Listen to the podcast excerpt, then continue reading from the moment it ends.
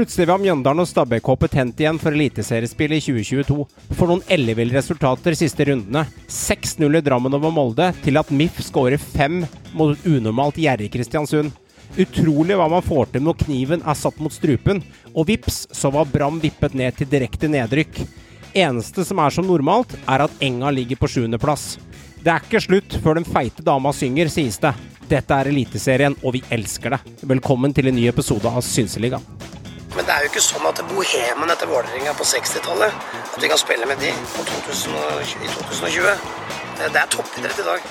Fucking joke, den der jævla måla vi slipper inn. Det er, det er piss. Vi har vært bunnsolide i, i hele oppkjøringa. Nå har vi sluppet inn ja, fire-fem pissemål. Det er jævla kjedelig å trene, så det er mye bedre å bare ligge og sole seg og så spille kamper. Så det her er perfekt. I wanted to wish happy birthday, but it was already going go away.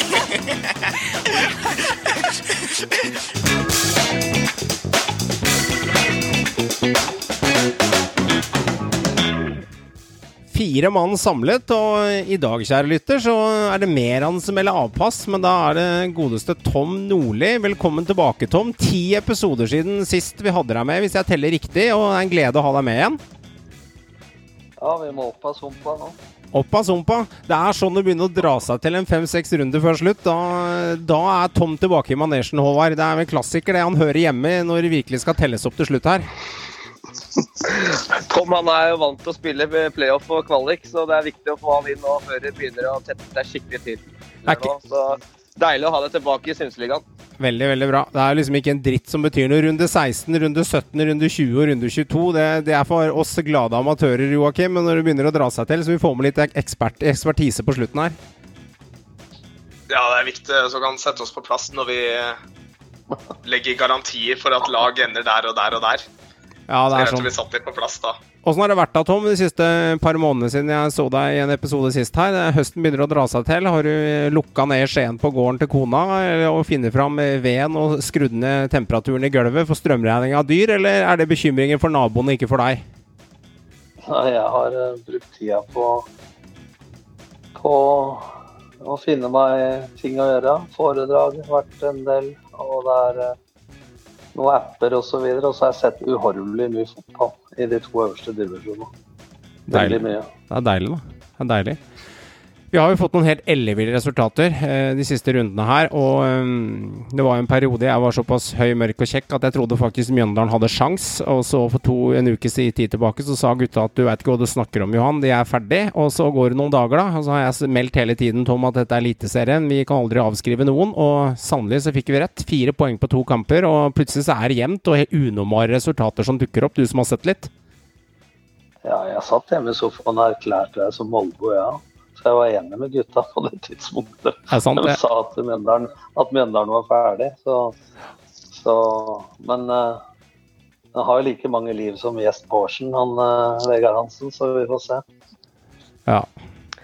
Skal jo sies det, Krog, at du begynte vel å skjønne at uh, det, det, så stygt ut for MIF du òg, men det er troll i ord, holdt jeg på å si. Nå, nå er de der igjen. Det, dette kattelaget, holdt jeg på å si, som har ni liv, altså det er jo helt sinnssykt. De var pissa på i en omgang av Odd. Det kunne vært 5-0 til pause, og så kommer tilbake der og klarer 2-2 med noen sinnssyke skåringer Olden Larsen. Så plutselig er det med en. Og så har jo da Stabæk, som ikke har vunnet på 100 år, som plutselig vinner igjen. Og så vips, så ligger Brann på nedrykk. Så det er uh, Eliteserien på sitt beste og verste på mange måter. Ja. Det vi fremdeles lever på ennå, i mm. forhold til det, er det at med unntak av når de møtte et Kristiansund som var komplett hjernedødt altså Det var jo Kristiansund som ikke evnet å gjøre noe som helst. Mm. Og er fremdeles, spiller fremdeles ikke Mjøndalen god fotball. Så egentlig er det bare kampen mot Odd var en, de to måla til Odd òg komplett altså Det er bare Forsvarsspillet der er borte. Det er ingenting. Det er ingen i press. Det er fem spillere rundt én Odd-spiller, og de taper duellene. Så fremdeles er laget helt enig, og jeg er overbevist om det absolutt dårligste laget i hele Eliteserien. Uh, og de er et godt stykke bak Stabæk også, i mine øyne. Altså, De er ikke gode. Men de har fått noen resultater nå, og det har dem, og det skal du få. Men det, jeg kan ikke se at det holder inn. Jeg så kampen med Odd, og Det er vel årsbeste av Odd, nesten. Det burde vært 6-0 til pause. Ja, det er Alden Larsen som klinker inn to mål der, så de har jo en eller annen evne og grisetur der. Så jeg er helt enig med Joakim at, det- at, det ikke, at det ikke spillemessig er bra. Men akkurat nå på høsten på slutten så tror jeg Mjøndalen i hvert fall kommer sikkert tilbake til det, skal tenke minst mulig på stilkarakterer. Nå gjelder det å, å raske til seg de poengene som trengs. Og de trives nedi dritten der. Det er det, ikke noe tvil om det. Det er da de på en måte nesten eh, Så nå, nå er det fem kamper igjen, nå får vi begynne å gjøre det litt spennende, da. Så eh, og Gauseth sa det jo òg, jeg hørte på spillerrådet, at det er, vel, eh, det er vel nå vi på en måte vi skal gjøre det. Det er da vi pleier å begynne å ta poeng. Og, eh, og nå er det da eh, en seier og en uavgjort, og plutselig meldt seg på. og Brann evner jo ikke å vinne kamper. Det blir plutselig nå to strake tap. og Kunne ha parkert både Stabæk og MIF for lenge siden, men eh, de har meldt seg på i dritten og ligger nå på det direkte nedrykk. Så eh, Men det, det dette her kommer til å, dette kommer til å leve helt inn til siste runde. Det er ganske overraskende, gutta. fordi hvis jeg skal sammenligne det jeg har sett med Mjøndalen, Stabæk og Brann, så Tabellen er som den er, men det er jo i spill klasseforskjell på Brann og de to andre Ja, lagene. Så jeg meldte jo for ti episoder siden, eller når jeg var med, at uh, da var det tre poeng opp for Brann til sikker plass. Ja. Eller om det var kvalik. Og jeg trodde aldri i verden at uh, det begynte å få sving på dette, at det skulle se sånn ut som det ser nå. Det må jeg ærlig innrømme. Så, men det viser bare at eh, det er eh, Horneland sa nå at han var fornøyd med prestasjonen, altså, men eh, hvor lenge skal, kan du si det? Eh, og nå har de på papiret veldig hardt program igjen. Akkurat nå på slutten er min erfaring at det spiller ingen trille hvem du møter på slutten. Altså, det ser du bare når Kristiansund taper 5-0 plutselig. Molde taper 6-0 på Marienlyst osv. Så, videre. så så jeg tror ikke motstanderen har så mye å si akkurat nå. Jeg er enig i det, Tom. Eh, Men altså, det er utrolig for meg som eh, Brann-fan å tenke på at vi da hadde 1-0 å gå på på Konsto med, 10, med 11 mot 10 og ikke klarer å avgjøre kampen. Eh, Du møter Stabæk hjemme. Stabæk som ikke hadde som skårer på et sånn uh, uh, jeg vil si flaksemål som uh, skyter den i trynet på grill og inn. og og Det er så å si det eneste de skaper, og klarer ikke å vinne der. De, de leder mot Tromsø, og de har så mye matchballer. da. Hadde ikke tapt på seks kamper før de to uh, tapa nå på rad. Men vips, så har det blir for lite trepoengere. da. Eh, de, har, de har så mange muligheter til å parkere særlig da MIF og, og Stabæk, men også da melde seg på på laga foran. Og nå er det der umulig. Det er kun tre lag det står om. Det, det er, altså, vi kan avskrive alle lag foran. Tromsø, Sarpsborg, alle de andre, så- Sandefjord. Eh, det er, eh, det er tre, tre, three horse race her, altså. Men Håvard, når, vi har diskutert dette her eh, med disse eh, nedrykkslagene, og jeg har vært litt standhaftig på at jeg veit aldri med Mjøndalen, og så plutselig er de der, og så eh, trakk jeg meg litt i forrige uke på den, jeg skjønte hvor håpløse det var, og så tar de fire poeng der. Klart det er en longshot fra meg på å si noe sånt nå, men jeg bare Så det er ikke noe sånn at du har teft eller ikke teft. Jeg, jeg gikk bare litt imot brensjen på akkurat det der. Jeg var egentlig enig med dere om at jeg er ferdig. Det er 100% ærlig. Jeg er enig med dere. Spillemessig er det jo ikke Ja, ja. heller, Og innerst inne-. Innerst inne er jeg helt enig med dere, men det er bare at når Joakim har vært så, eh, så steil på det siden mai måned, og det er bare er ikke håp i ræva på at det kommer til å gå bra, så er det sånn Vi veit liksom aldri helt. Og jeg må bare ta opp én ting. Å skåre fem mål mot Kristiansund og vinne, altså Det er sterkt. Altså, jeg vet ikke.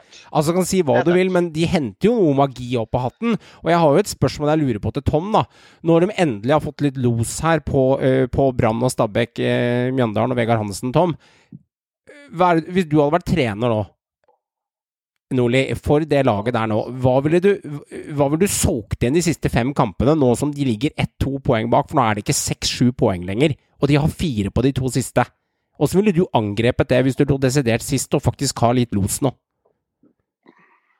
Punkt én. Hva er Mjøndalen er gode på? Hva er Mjøndalen sitt DNA? Og drit i alt annet. Eh, spille med minimal risiko. Slå den ballen over midtbanen. Ja, altså, Charles Reap, altså den, det Drillo-kameraten, gjorde jo en undersøkelse for noen uh, tiår siden at hvis du vant flest dueller på motstanderens halvdel, hadde flest avslutninger på mål og var flest ganger inn i 16-meters, eh, motstanderens 16-meter, så har du 83 sjanse til å vinne uavhengig av spillestil. Altså, jeg ville gjort okay. det så enkelt som det. altså Rett og slett. Eh, Mjøndalen er eh, gode på Lang ball, gjenvinning. Etablere spill på motstanderens halvdel.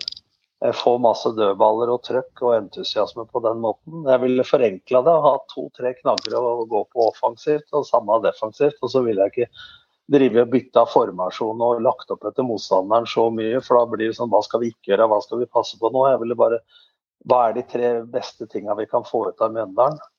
Offensivt og det samme defensivt. Og så skapte en voldsom tru rundt det. Og der har han jo historien med seg. Når er det de har greid seg? Hvordan er det de har greid seg, og på hvilken måte? ikke sant? Og det, det er jo på det som Joakim har sagt i tidligere episoder. Eh, fram til de har mulighet til å bruke mer penger og utvikle bedre spillere, så må de skjønne, litt som Sarpsborg har gått i fella på, hva er det som har gjort at Mjøndalen har greid seg i alle år og vært så gode? Og det året de nå har lagt om og skal spille mer utviklende osv., så, videre, så er de per nå ikke gode nok. Og da har det kanskje vært en svakere sesong enn det folk hadde forventa. Så nå hadde jeg forenkla det mest mulig. Og, og det Fordelen med dette det er ingen som forventer at de skal holde seg. Så har de vært der så mye, og det er forventa at de skal ligge der. Så den lille mentale fordelen der ville jeg spilt eh, alt jeg kunne på. Riktig. Ja, jeg har merka meg noen ting når det gjelder MIF også. Det er faktisk eh, Lars Olden Larsen. Han har vært monumental. Han skårer mot Brann. Han skårer to mål i går. Han eh, skårer mot eh, KBK. Riktignok flere som putta da, men han har funnet formen. Og for fader, for et skuddbein. Nå, viser han fram det han gjorde for Koffa.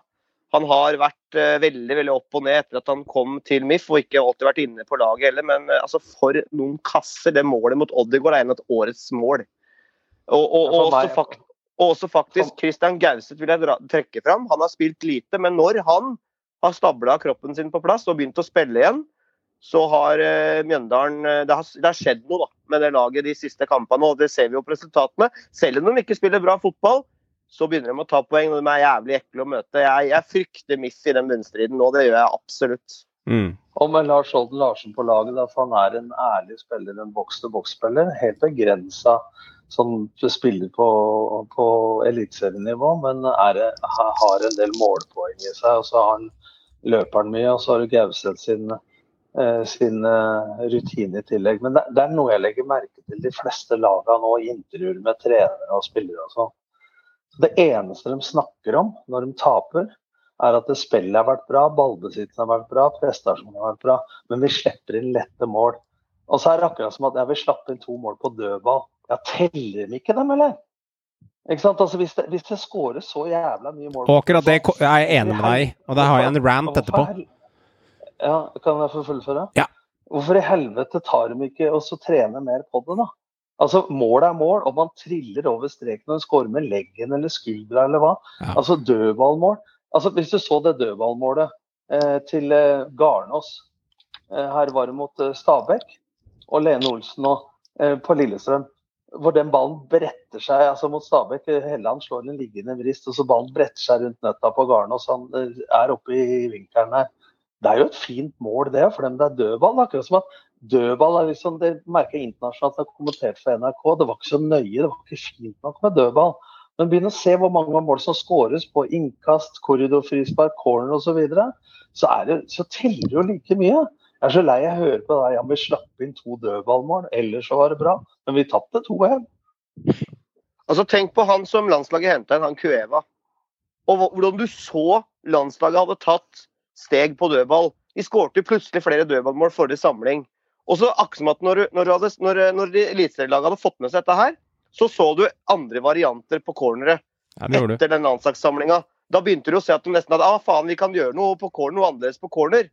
Eh, mitt eget lag Brann f.eks. er elendig på dødball. Helt fryktelig. Det, jeg, kan, jeg kan ikke forstå at det går an å slå så dårlige cornere som Brann gjør.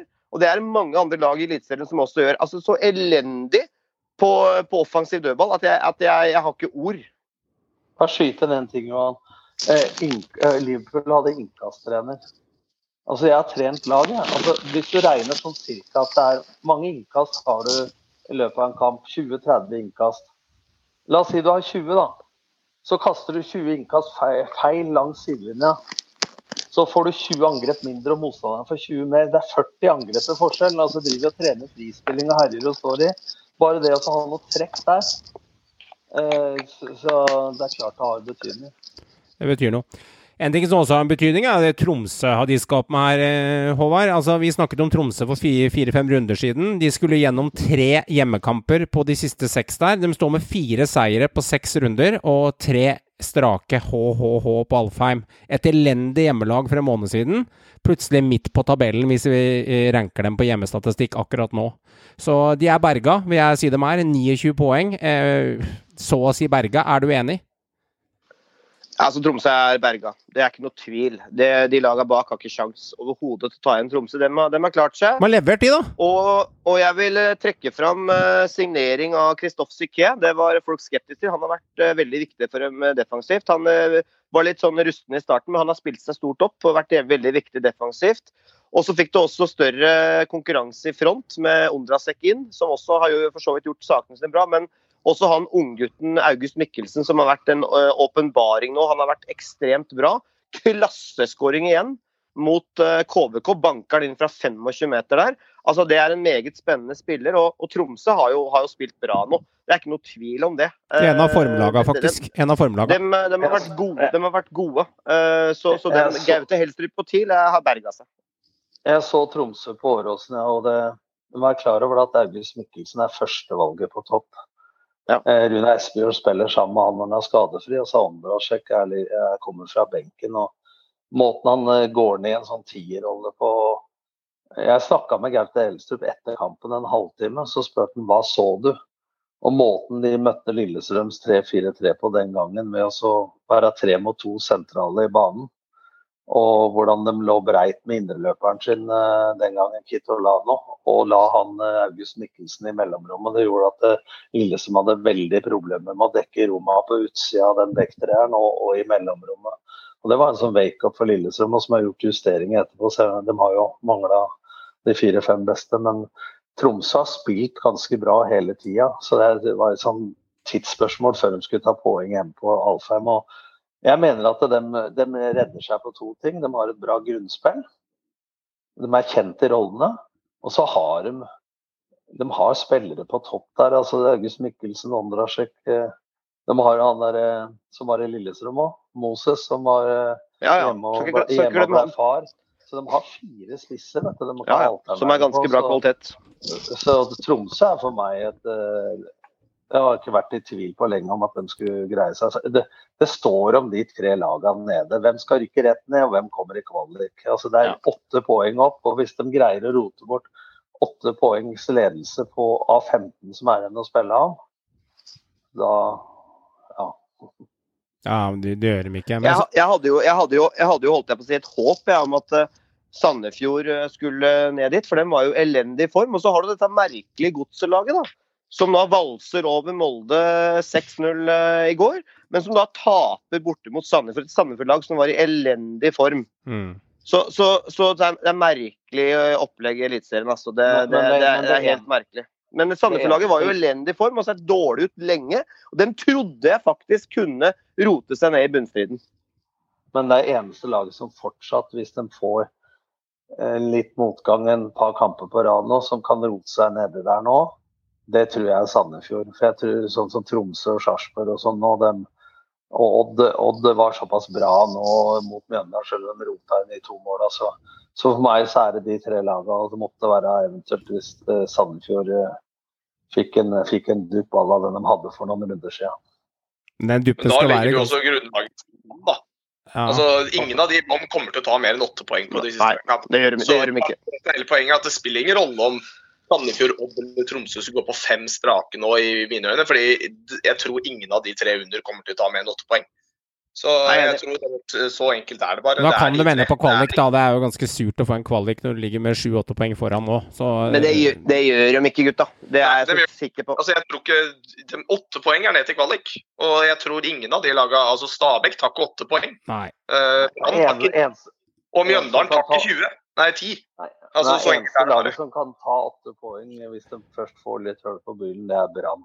Stabæk og Mjøndalen får ikke åtte poeng. Brann tar heller ikke åtte poeng med det kampprogrammet de har. Nei, og nei, Vi skal jo snakke litt om, snakke litt om Brann og Håvard. Jeg registrerer én ting, de taper den kampen her, og Pallesen gjør en kjempenikkfeil der som eh, Kjartansson viser seg klinisk på. Eh, Det må jeg si. Kjartansson litt back in business. Virker som han har fått ristet av seg både ja, hva skal jeg si for noen samboer som flytta ut, og en kjip sommer. Så plutselig er han back on track again på høsten. Eh, Men jeg må si at én ting jeg må ta opp der. Sivert Helte Nilsen. Blir han snytt for straffe der?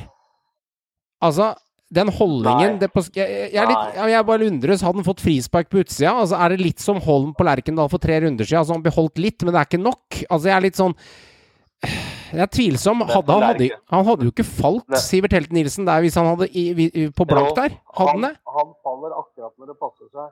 Ok. Det er klart. Al altså, den der på hans for noen runder siden var, var vesentlig klarere. Eh, Men, men det er, du snakker om Pallesen Knutsen gjør tabbe, men for meg, da, sånn sett utenfra, Ja.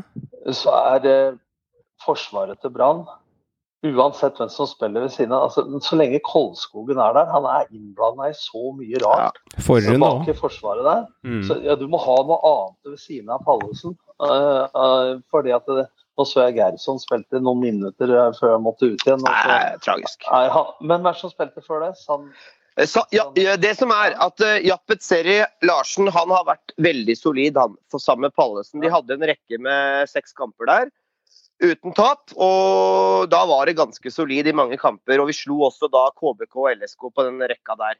Eh, Seri Larsen har vært meget solid sammen med Pallesen, eh, mener jeg. Eh, nå som han er ute, så eh, altså Helt enig med deg, Tom. Kolskogen. Vandrende katastrofe, for å være litt stygg. Det, han er usikker. Han er rask, ja. Han men han er usikker, han gjør feil. Og nå er det Pallesen i går, det er det. Men han har vært eh, rimelig solid etter at han kom fra Haugesund. Det er Koldskogen eh, som er eh, den store, holdt jeg på å si, vandrende bomba litt i forsvaret der. Som er, altså De sliter når, eh, når Seri Larsen er ute bak der. Og, og, og Sané er ute, Gerson er ute igjen. Hove sliter med kroppen. Eh, ikke sant? Han, han måtte jo, klarte jo ikke å starte igjen etter den kampen mot Viking. men Han måtte spille 80 minutter der. Og det var jo by the way en parodi av en fotballkamp. At den hele tatt ble spilt, det er jo helt sinnssykt, spør du meg. Men det er en helt annen sak. Det, det, det syns jo Viking, det syns jo Brann selv. Det skulle vært av, avlyst og blitt flytta på. Det, det, det var ikke fotball, det vi så der. Det var knapt vannpolo. Det var hva det for noe? Det var ikke Bare en- fotball, i hvert fall. bare, bare en kommentar til det. Og jeg vet reglene er sånn at dommeren skal avgjøre om det er skadelig for spillerne osv., men jeg syns at det, når det er snakk om å stå i ligaen eller ikke altså, så Ja, det er helt sjukt. Vi snakker om fair play til krampa tar oss. Jeg syns at uh, av sportslige hensyn at den kampen uh, for begge lag egentlig, uansett Altså, Viking kjemper om medalje, dem også. Ja, vant jo riktignok, da. Så- så- Ja, ja, ja, men det veit du etterpå. Nei. Men jeg syns at det, det der skulle vært utsatt. Men de har jo panikk forbundet for å finne kampdatoer. Det Ja. går jo foran alt, bare det der skrivebordsgreiene går opp for dem. Så, Og, og du kan jo begynne å lure litt, da. Eh, Jeg, jeg, jeg er fan av gress, gress jeg, altså, jeg skal ikke ta lang debatt på dette. Jeg er fan av gress, og, og når matta er bra. Men når du ser hvordan den, eh, den matta i Bergen ser ut nå, med det regnværet som er i denne byen her, det veit alle, kan jo skjønne at ledelsen vil legge kunstgress. Og når du også da har elendig treningsforhold, så kan du skjønne ledelsen. Så da har vi kanskje litt for mye makt som fans i dette landet her, når, når ting skal veltes på sånn derre Donald Duck-ting, eh, der ting skal avgjøres. Eh, om faktisk da eh, Dette her er en grunn til at folk er valgt. Du kan si at ledelsen gjør mye rart i Brann, men eh, jeg støtta dem på at de skulle ha kunstgress, for treningsforholdene var elendige. Og Brann stadion, eh, matta der, ja den er fin på sommeren, men når regnet og høsten kommer, så er den elendig. Men hvorfor er den elendig? Altså, Da må du ha dyktigere folk. for at Det, det hender det er nedbør i Trondheim òg. De har spilt Ja. i desember, de har spilt mot Real Madrid. Du ser aldri at den matta har overvann eller noe som helst. Dette, det så vi på Åråsen òg. Spilte kvalik der. Det var jo som å gå i en myr. Det er en jævlig gammel matte med uten drenering på Brann stadion. Ja, ja. men nå har de bytta på Åråsen. De har helt annen pukk i bånn. Det er sand, så det renner igjennom. Det er, det er ikke jord og, og myr. ikke sant? Så, så jeg er jo for at det skal være flere gressbaner. øh, Men akkurat nå skulle det vært øh, avlyst. Så det går jo på kvaliteten og hvordan man tar, tar vare på det der. Det var ikke mye som rant igjennom på Brann stadion. Det var flere badebasseng rundt omkring på banen. Altså, det, er, det, det gikk jo ikke an å føre ballen der. Men, men over til den kampen i går, da. Det, det er jo en uh, skjebnesvanger tabbe av Pallesen, selvfølgelig. Grill har også Den er litt eh, todelt, da. For hadde, han hatt eh, makkeren sin på sida i riktig posisjon, Ja. så hadde han redda han. Ikke sant? Men han header, han header ballen rett opp i lufta. Ja. Og så er det en bra avslutning med venstrebeina av Kjartansson. Ja. Men igjen altså, så gjør egentlig altså, sånn isolert sett Brann en ganske OK bortekamp. Eh, de er ikke UF-ene, de, de skaper sjanser. Og egentlig eh, til og med mot, mot Viking og, og de, har ikke, de har jo ikke spilt dårlig på egentlig ganske lenge. Men det blir jo ikke nok poeng. Og vi skal også huske på da, det, det utgangspunktet Brann hadde. De lå desidert sist. Så kvalik isolert sett, hvis du tenker tilbake, så er jo det en prestasjon. For de lå jævlig langt bak resten av laga. Det skal vi ikke glemme, gutter. Men eh, akkurat nå er vi på direkte nedrykk. Det er det som er eh, fakta nå. Og, og man har jo fem kamper å gjøre det på. Men, men det er rart å si det, men jeg har allikevel en sånn viss følelse at de kommer til å klare det. Men Det er kanskje meg som fan som prater, men jeg mener jo også at det er det beste laget nedi, nedi møkka der. Ja, for Dette er litt interessant. da, for Du har jo sagt nå snart i et halvt år at du spiller greit, det er ok, det funker. Ja, ok, litt uheldig der og opplegg her, og ok, så blir vi tatt på det og slipper Nei, jeg, jeg, jeg føler ikke jeg er så vag. Jeg er ganske konkret. Ja, men eh, liksom For jeg er litt direkte, da.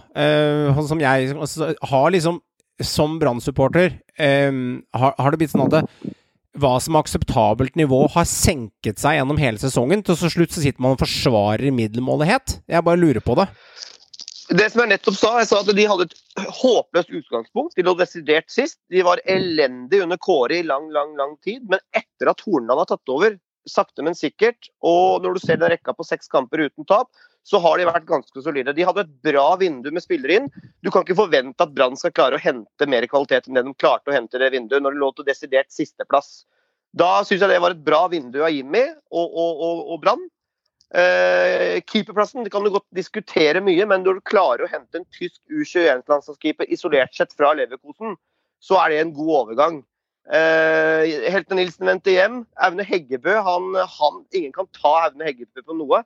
Eh, kan godt kanskje, kanskje tenke sånn, eh, hvis det er etterpåklokskap, etterpåklokskap at eh, Dauda Bamba, Bamba ikke skulle blitt solgt. Mulig. Han hadde kanskje skåret flere mål enn Heggebø, men, men Heggebø han har gjort en god jobb på topp. Han har, eh, ikke han, er ikke hans skyld at Brann ligger der de ligger. Eh, altså, det er så sammensatt, det her. Ja, det, det, skjønner, det skjønner vi, men så, hvis du ser på de siste ti kampene, da, altså for å være litt streng her, så er det, er det to seire. Og så er det 1-1 mot Tromsø. Og så er det 1-1 mot, øh, 1-1 mot øh, Mjøndalen. Mjøndalen 1-1 mot Stabæk. 1-1 mot Stabæk. Og Grill disker opp med noen skikkelig pølsetab pølsetabber. Og da lurer jeg litt på er vi, er liksom, Noen av de kampene her skulle man selvfølgelig vunnet. Jeg skjønner at Hornland har heist de opp fra skitten til skitten minus. Men det er to seire på ti kamper, og de har kvitta seg med lag som Mjøndalen, Stabæk og Tromsø, som de egentlig kanskje burde vunnet. For nå skal de ut mot Rosenborg, Glimt og Molde. Og det er jævlig mye røffere, for å være litt direkte på det. da. Så jeg tenker, jeg hadde vært, ganske, jeg hadde vært skuffa over de siste ti kampene med to seire. Men spørsmålet ditt Johan, var at uh, om den godtar middelmådighet. Ja, litt. Og da lurer jeg på Ja, men da lurer jeg på når de ligger der de ligger. Med den, Husker du hvor de lå? Ja, ja, jeg husker at de lå helt ræva an. Kan, jeg- kan jeg få lov å svare? Ja. Men det hjelper lite hva, hvor de lå. Det er nummer én hvis du er kynisk på det. Men til spørsmålet ditt, da.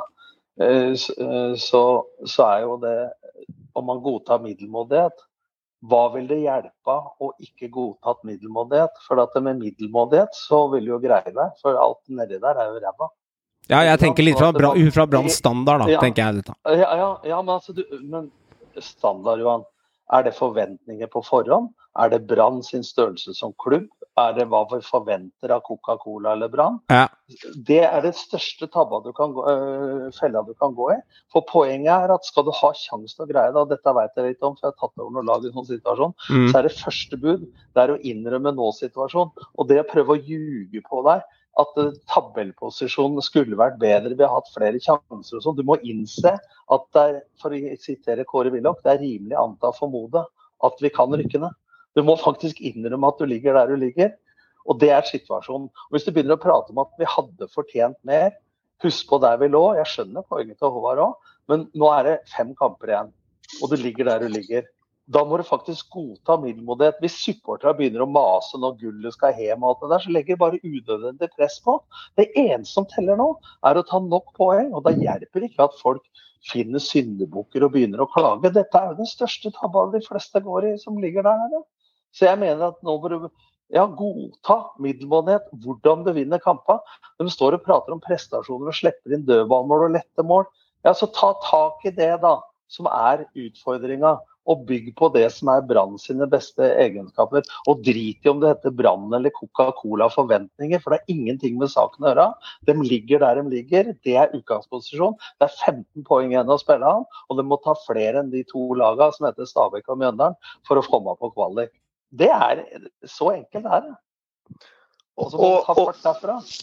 Og jeg, og jeg, er enig at man, altså man, man, kan heller ikke liksom drive og, og, skylde på at ting går imot og resultatene går imot Brann. Du må gjøre jobben sjøl. Men, men, jeg er fortsatt litt inne på den at eh, etter at Horneland eh, tok over, så har det blitt betraktelig mye bra. Altså, vi, vi, så ut som eh, tidenes dårligste eliteserielag. De snakker Strindheim her. Det var nesten på det nivået. Det var, det var sju strake tap, hvis ikke det var mer. Ja, det, var det, var tidenes verste, det var tidenes verste start. Det er ingen lag som har holdt seg med den uh, starten. Men dessverre, hadde. men, det, men dessverre Håvard, så teller de kampene som før Horneland tok over. Da. Selvfølgelig. Gjør det. men selvfølgelig. alle som, som, spilles, ikke sant? Selvfølgelig. jeg er helt enig. Sånn.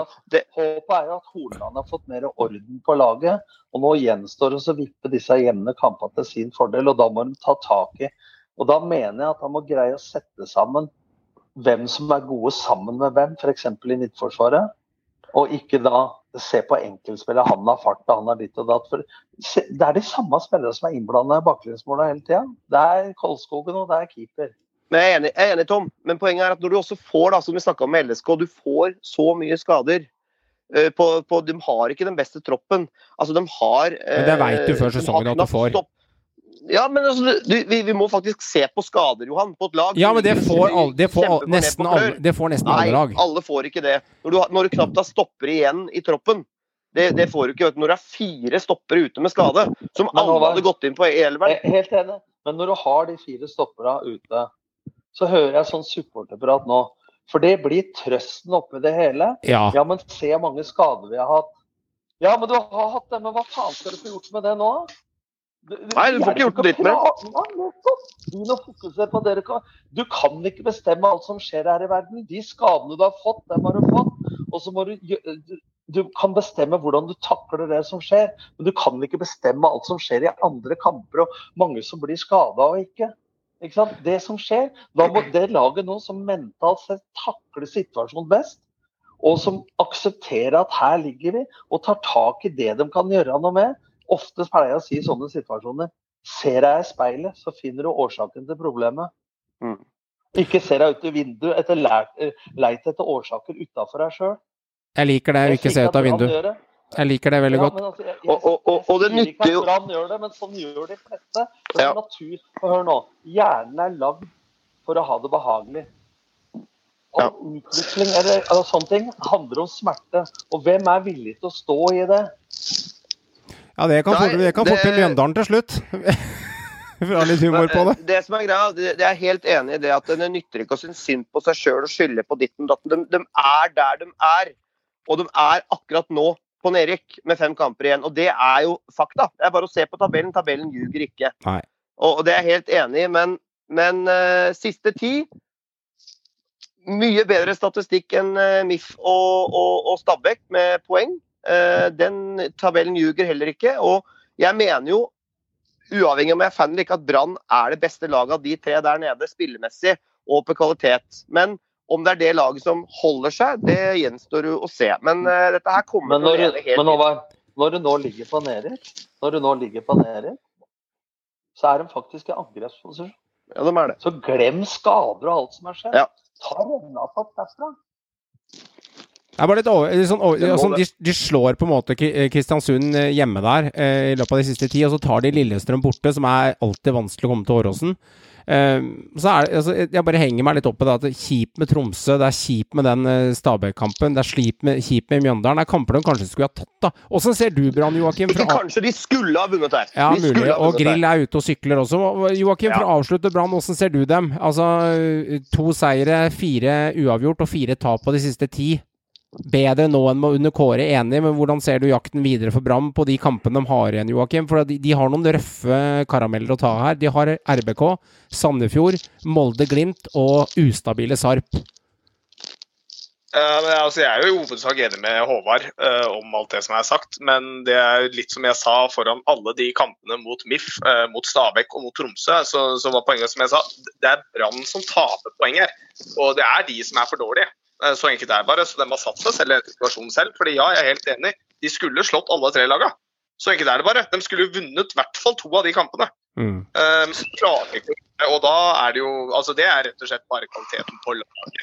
Ja. Tromsø, bort, Tromsø borte regner jeg ikke med seg, men hjemme mot Stabæk og borte mot MIF, når vi har 10, 11 mot 10 på konsto, det er ytterst svakt. Ja, men Det var litt med hvordan kampene gikk òg. Jeg føler alle de tre kampene er kamper som Brann ja. om ikke skulle, burde, var i hvert fall nær å vinne da, og var det beste laget i. En, enig i det. Uh, og da er, det, da er, de der hvor de er. og jeg, Det som taler mot Brann, er, uh, selv om Tom nettopp snakka om det, at uh, det, og jeg er helt enig, det spiller ikke så stor rolle hvem du møter i slutten av sesongen, men det som taler mest mot Brann, er rett og slett kampoppsettet. Altså, det er lagene de møter. Jeg men... føler at Stabæk og Mjøndalen har, et, har på papiret et mer overkommelig Eh, program til ja. å ta mer poeng.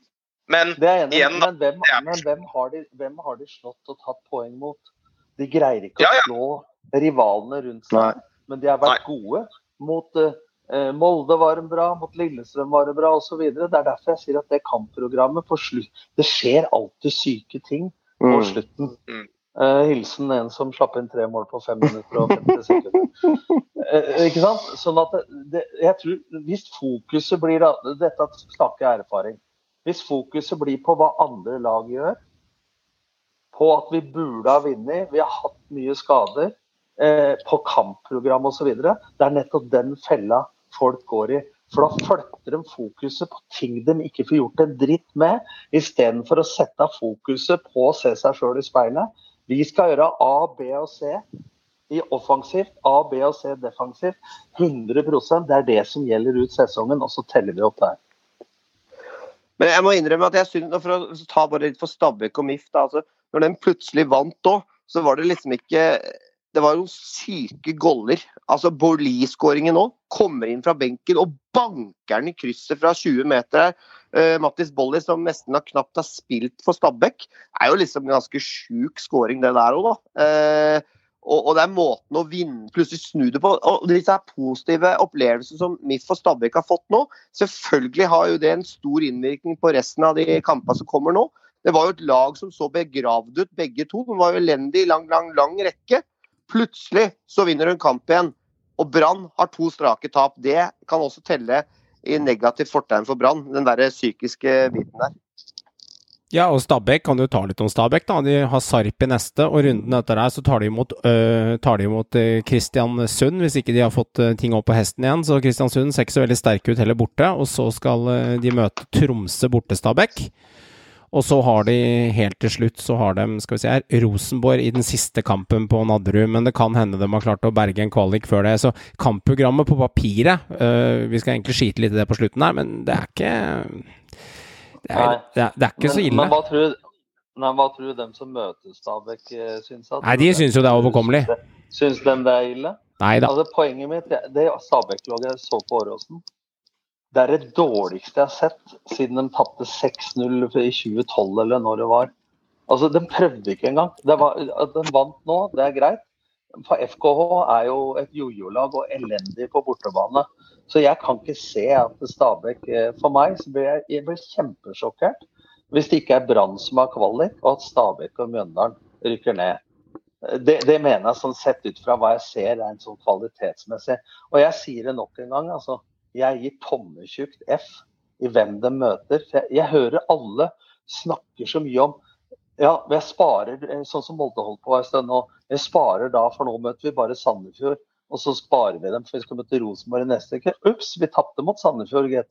Og nå driver de og drar på seg masse røde kort osv. Jeg sier igjen, på slutten av sesongen sånn som det og det spiller nesten ingen det, det, det, letteste å møte er nesten dem som ligger midt på tabellen som ikke har noe å spille for.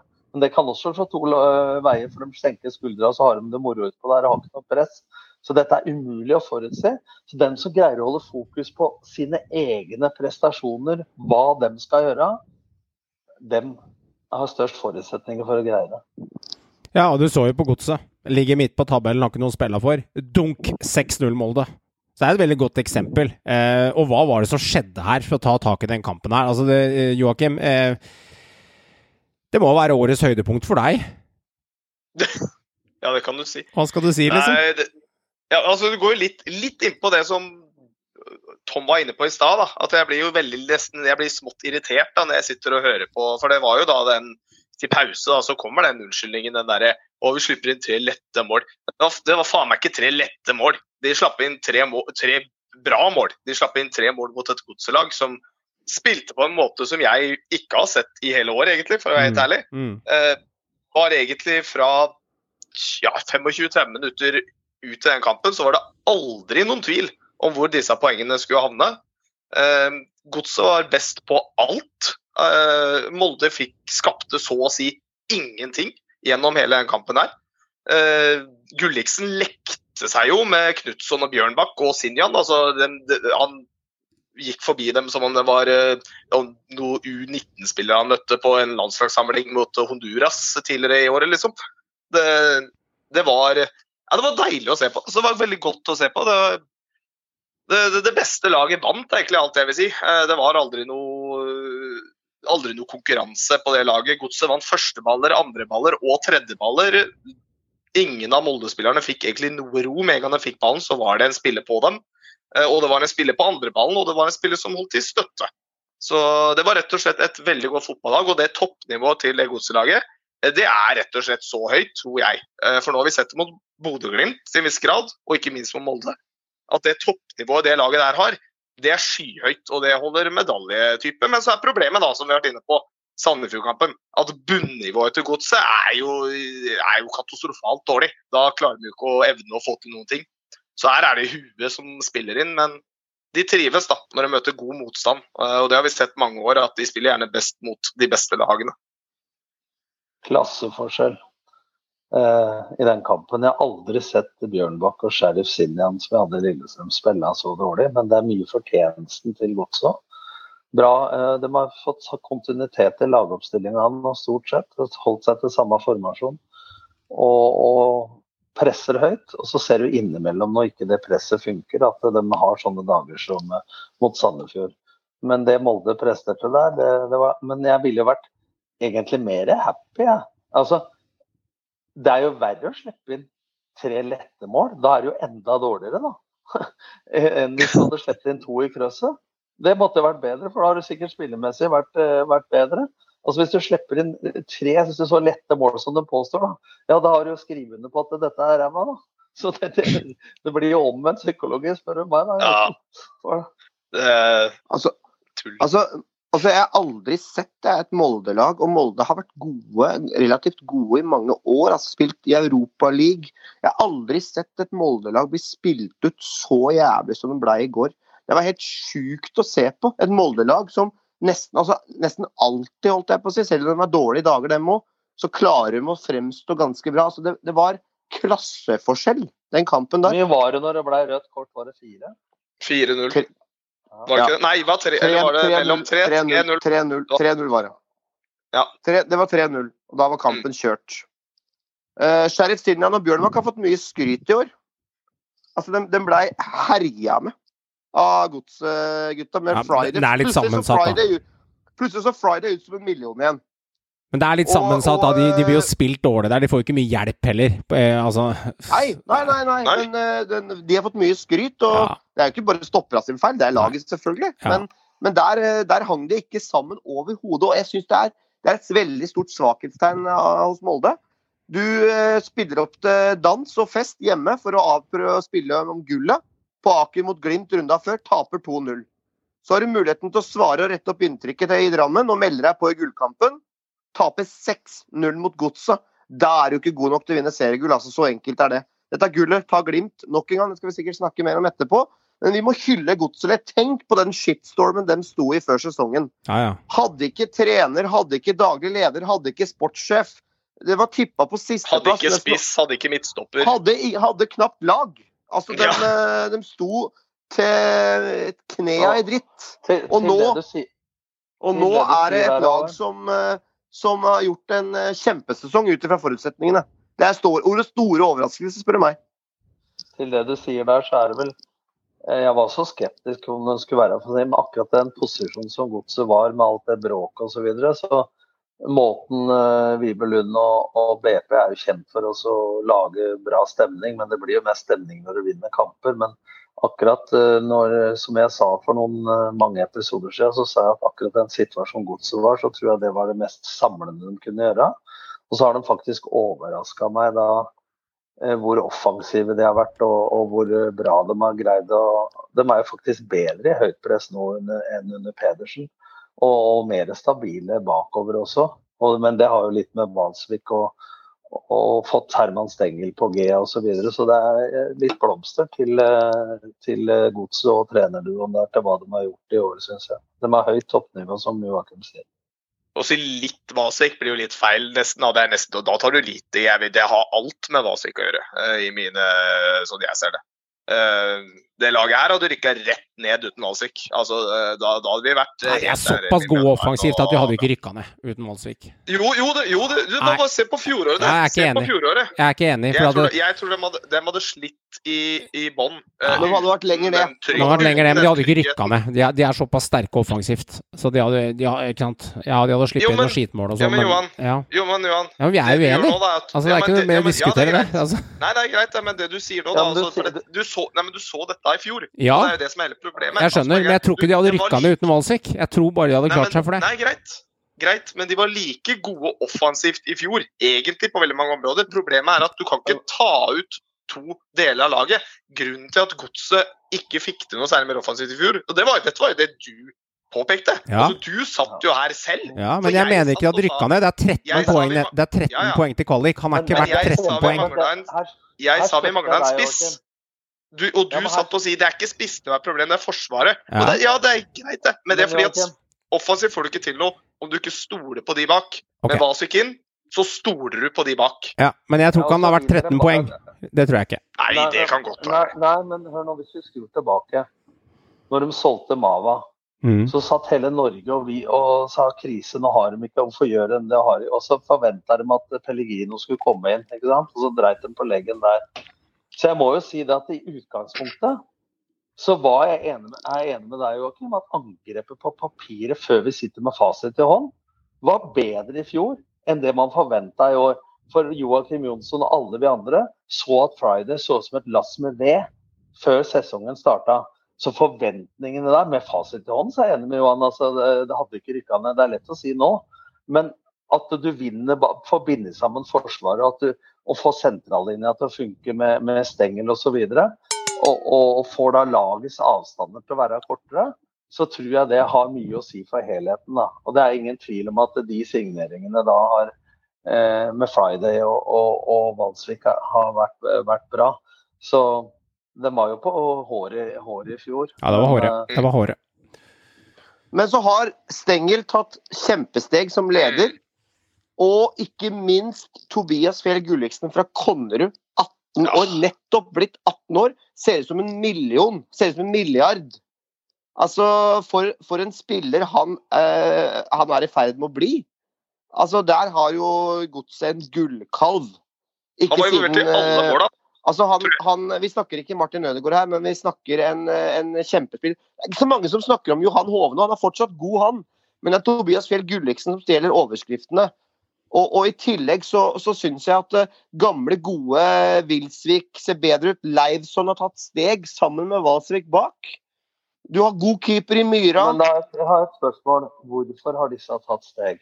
Det er dette jeg mener eh, som trener da, oppi hodet mitt.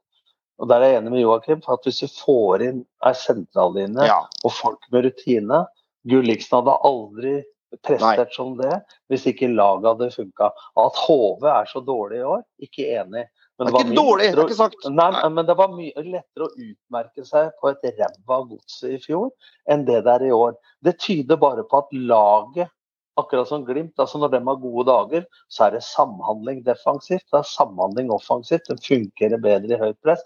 De greier å ligge lavt noen ganger når det nytter. Så laget altså Der tror jeg enkeltspillere i sentrallinja med Vilja Myra, Valsvik, Stengel, Friday har hatt enormt mye å si for at de derre kelnera rundt, hovmestra, blomstrer. Og så må vi gi Vibe Lund og BP mye heder og ære også, for de har samla gruppa. Og vi, var, vi Synsligaen, du også Joakim, du var skeptisk.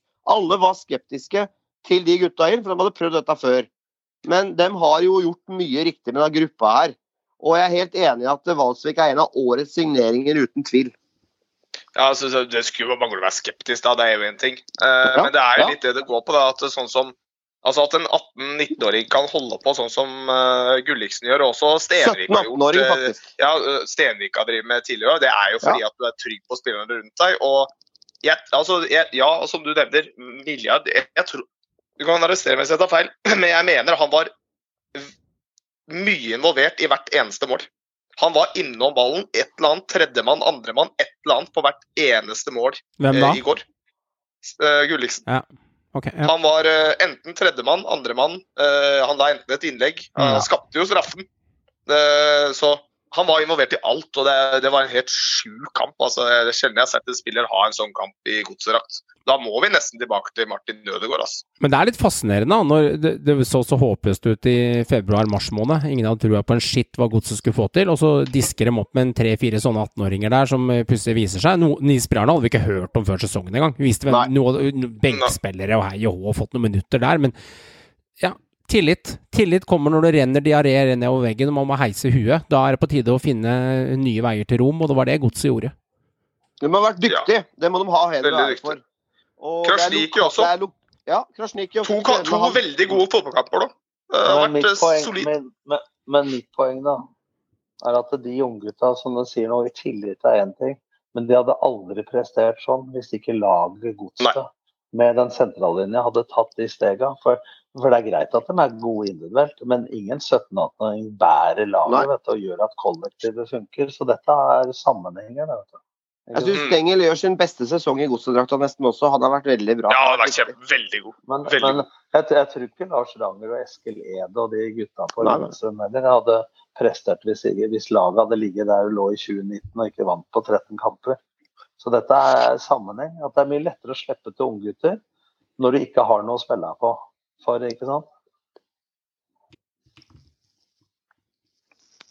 Så var det laget mitt, da. Trønderske gutta, Håvard. Er gud bedre. Altså én seier på de siste fem. Og jeg, jeg hadde virkelig troa på at de kanskje kunne få til en bedre høst her. Og jeg syns jeg så at de var litt fottrappe en periode der og lagt om til 3-5-2 og litt uh, alternative formasjoner uh, oppå Lerkendal og Rosenborgland. Men uh, de blir knebla. De, det kommer eh, det, Hva skal jeg si? hvor Du blir så frustrert over hele greia. Fordi at uh, vi produserer liksom ikke nok. Det som redder oss til å vinne fotballkamper når de vinner dem, det er effektiviteten deres. Men når ikke de scorer på de få sjansene de får i tillegg, så, så blir det én av fem, da. Jeg merka på deg når du prata med RBK at du hadde trua på medalje. Og det verste er at eh, jeg begynte, ja, ja, trua, jeg begynte å ha trua på Du begynte til og med å ha trua på sølv eller gull, tror jeg. Ja, en liten periode der, for de var gode. Og det så spennende ut. Det er, eh, det er mye X-faktor og en del kvalitet i laget, men det var rett og slett falt de sammen når det gjelder, når det gjelder som mest. Ja. Og Det er jo da en stor svakhet hos det RBK-laget. At de, de rett og slett bikker under for, for presset og, og, har ikke kvalitet nok Nei. til å være med helt der oppe. og Det er jo det det går på. Man kan skylde på ditten og datten, sånn som Brann-fansen og jeg også til tider gjør. Jeg tror ikke de skylder men, på det, jeg tror de skjønner nei, det sjøl. Nei, men, nei, men altså, det er jo rett Hareide han uh, har begynt å, uh, å utforme seg litt på en annen måte nå. Sa det ganske klinkende klart etter det tapet nå. Men uh, i andre intervjuer så har det vært andre ting han har skyldt på. Og Det er for så vidt greit, så hver kamp lever sitt liv. Men, de er ikke gode nok til å, ta, til å, være med der oppe. Og jeg tror at den medaljen den kan fort glippe, og da glipper også Europa. Ergo det er en fiaskosesong av RBK nok en gang. Det er ikke noe annet å si. Det er fiasko hvis RBK ikke tar medalje eller europaspill. Uh, og jeg må innrømme at jeg er overraska når de var inne i den gode stilen, hva som egentlig har skjedd der nå. Tror du Åge Tom er skuffa over seg sjøl og hele den jobben han har lagt ned, med tanke på at det her var liksom the last chance den gangen det røyk med landslaget for 15-17 år siden? At det, denne sjansen får han ikke igjen, og det kommer til å erge han inn i, inn i alderdommen og pensjonisttilværelsen? Eh, han har opplevd såpass mye at jeg tror ikke han tenker så mye på seg sjøl. Jeg tror faktisk at Rosenborg har stor sjanse til å ta på den bransjen. De er to poeng bak Viking. Viking er ustabile. Rosenborg har 5-2-0 eh, før de tapte mot Lillestrøm eh, på Lerkendal. De var gode i 55 minutter, men eh, bemerkelsesverdig dårlig når Lillestrøm tok ledelsen. Så trodde jeg at de skulle få press på seg, men det var faktisk Lillestrøm som spilte Rosenborg tilbake på banen. Så, men jeg syns de har vært såpass bra i det siste og fått mer stabilitet i, i lagoppstilling og, og formasjon osv. Så, videre. så de drev og kåla med tre bak en stund. Og nå syns jeg det har faktisk sett uh, Så jeg syns man blir litt for prega av det resultatet mot Lillestrøm. Og så har de hatt to kamper før det med én mann mindre i, i, lang tid. Så med det fasit i, i hånden der, så syns jeg det blir litt for mye emosjonell prat. Uh, og jeg skjønner det for dem som holder med laget og sånn, men jeg kan ikke se altså Lillestrøm er med der. Eh, Kristiansund har fått en reality-sjekk, og de har de er ferdige. Hvis de, hvis de tar medalje, så De har faktisk tre minusmål, og du skal ned til Sarpsborg på tiendeplass for å finne lag med minusmål. Så for meg så er det Lillestrøm en liten mulighet, men uh, Viking ustabile. Uh, jeg tror faktisk For meg så er fortsatt Rosenborg favoritt, uh, selv om de er to poeng bak Viking, til å ta det, den bronsemedaljen.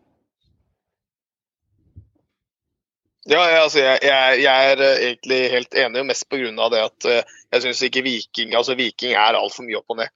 Og Rosenborg har egentlig sett ganske solid ut den siste tiden.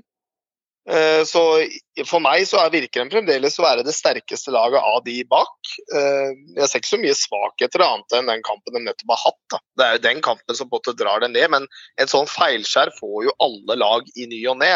Men altså, dette gjør det veldig tydelig, da Uh, altså Dette gjør det veldig tydelig at, som vi også har vært innom nesten hele sesongen, at det er, det er faktisk veldig stor forskjell fra lagene fra tredjeplass nedover, altså fra de som ligger bak. Og det har det vært en god stund. Rosenborg er ikke i nærheten av nivået, selv om Molde kan gå på en smell òg, som vi tydeligvis har sett. Så er de ikke i nærheten av det nivået. så de, det, det, er bronse eh, eller utenfor, og det har det vært en god stund nå. Ja, men det er så irriterende. fordi at mot Kristiansund borte så får du utvisning etter et minutt der, og så får du en ny utvisning med Henriksen eh, runden etter. Altså, da får du ett poeng på to matcher der.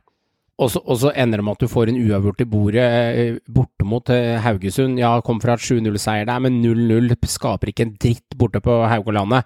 Eh, det er kamper du egentlig skal være med i å vinne, og ikke surre det bort på, på, på, på, rødt kort og sånn tull. Ok, de er snytt for noen straffer kanskje i noen par kamper der, men de, kan ikke begynne unnskyldninger for det. For det er en del av gamet. Du får litt og gir litt i døra. De er ikke bra nok, rett og slett. Og det, det, det, Hvor ofte har Rosenborg vunnet på Haugalandet? Nei, de vinner ikke så ofte der, men hvis du ikke vinner så mye på Haugesund, da, eh, så skal du i hvert fall ta Vålerenga hjemme, en kampen du egentlig eh, skal styre utenom å få en utvisning, og så skal du i hvert fall være med i kampen borte mot Kristiansund. Vi kan ikke begynne, kan det bli for dårlig av RBK å sitte én seier på fem kamper. Det handler om kvalitet, da. Det, og en annen det. ting som handler om kvalitet, som irriterer meg grønn. Eh, RBK har sluppet inn 33 mål i årets liga. Eh, og det er en grunn til at eh, RBK-stopperne får kritikk. Jeg har sagt de er gode nok, til, eh, eh gode nok for eh, Eliteserien, eh, og ikke gode nok for Europa. Det er min tanke, men jeg er sannelig ikke sikker på nummer, nummer én der heller. RBK er det laget i Eliteserien som har sluppet inn mest mål på corner. De har sluppet inn ti skåringer på corner imot. Det vil si at de spillerne, da, som egentlig skal være ganske duellsterke, de har noen små der som Siljan og Tagsetten og sånn, men de har Dino, de har Henriksen, de har Hovland, de har rutinerte folk.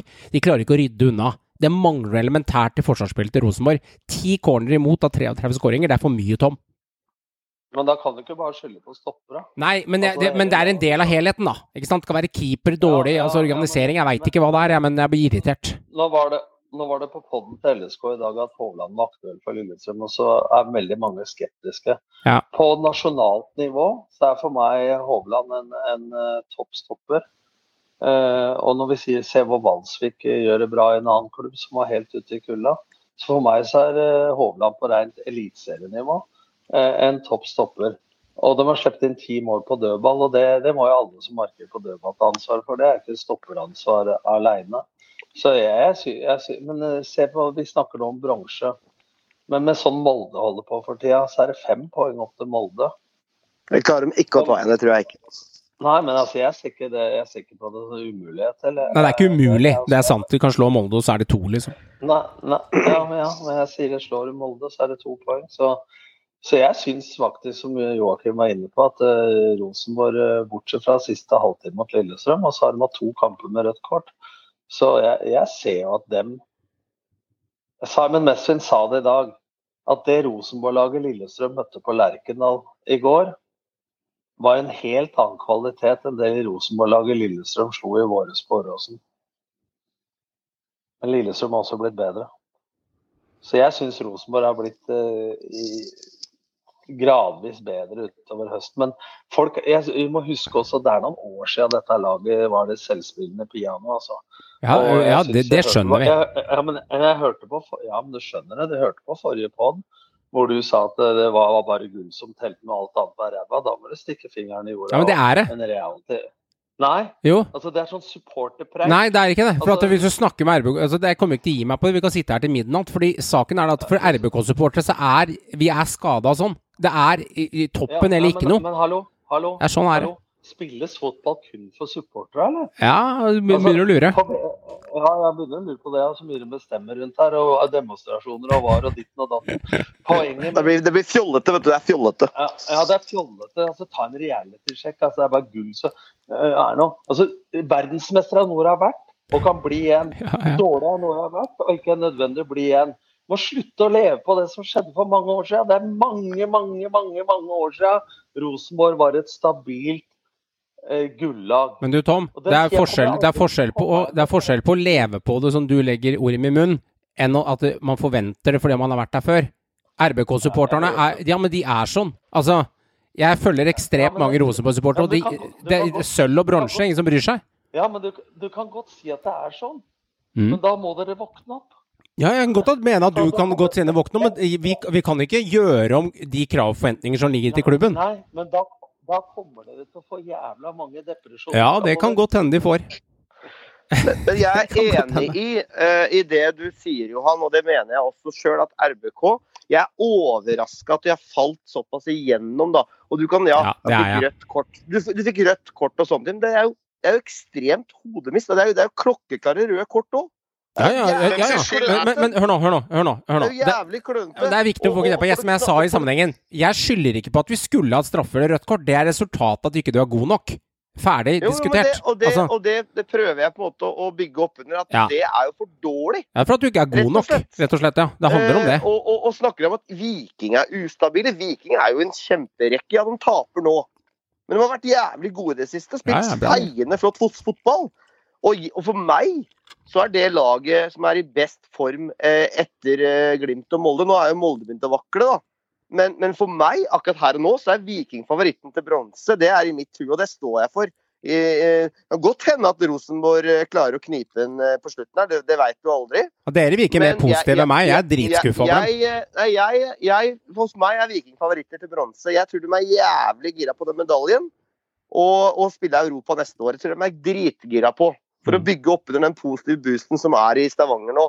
Og selvfølgelig er, er RBK Men Åge ser litt sånn slagen ut igjen nå, syns jeg. Liksom, han sa jo at sesongen er ødelagt, sa han etter kampen. Sesongen er ødelagt. Nå, nå ser det ut som han savner stranda på Granca igjen og har lyst, ikke lyst til å være der. Nå ser han liksom ordentlig misfornøyd ut. Han skal være misfornøyd når han taper mot LSK hjemme på Lerkendal. Og jeg, jeg er eh, skuffa over kvaliteten de har vist i det siste, sånn objektivt sett. Eh, Jeg hadde forventa mer, da. Og folk snakker om Hovland. Se på Holmar Eyolfsson, hvor svak han har vært. De, de vakler som faen defensivt. Hovland er jo den mest stabile der, og det sier jo litt. Ja, nå har faktisk ikke eh, Holmar spilt på en tre-fire runder, men jeg skjønner han er Nei, ikke inne i laget. laget, Han han er ikke inne i god laget. nok. Ja, han er ikke god nok. Og dem har det stoppeproblem. Han har falma fælt, han Åge, hvem som skal spille av den midtstopperplassen. Vagic har vært inne. Bare en kommentar, Joakim. Tror dere ikke at eh, det er noen andre lag enn Viking som er gira på den Europa? Jo, jo, jo, selvfølgelig. Det er mange som er det. nok. Ja, altså Det som er problemet med de andre lagene, i hvert fall, altså du snakker om lag som er ustabile. KBK og LSK er jo i ja, ja. hvert fall ustabile. altså Dem er ikke i nærheten av å ha et stabilt, eh, høyt nivå de siste ti rundene. Så jeg tror det står mellom de to. Men når det kommer til da, jeg tror mye av grunnen til at Åge ser litt sånn, håper jeg er litt sånn borte, er jo fordi at i motsetning, da, som når vi snakket om Godset i stad, de erfarne spillerne på Rosenborg leverer ikke. Altså Så enkelt er det bare. De er ikke gode nok. Jeg mener ikke Hovland er god nok. Jeg mener ikke han holder høyt eliteserien lenger. Jeg, jeg tror Sysk han har gjort det på halvannet år. Jeg syns det blir feil å bare peke på Hovland, for det er ikke han som er Nei, nei, problemet nei, nei, men det er ikke bare han. Det er helt enig, det er ikke bare han. Det er også altså det er Skjelbreid. Det er uh, eh, Henriksen. Jeg syns ikke han har holdt et høyt nok nivå. Altså Det er de etablerte spillerne, de skal lime sammen dette laget.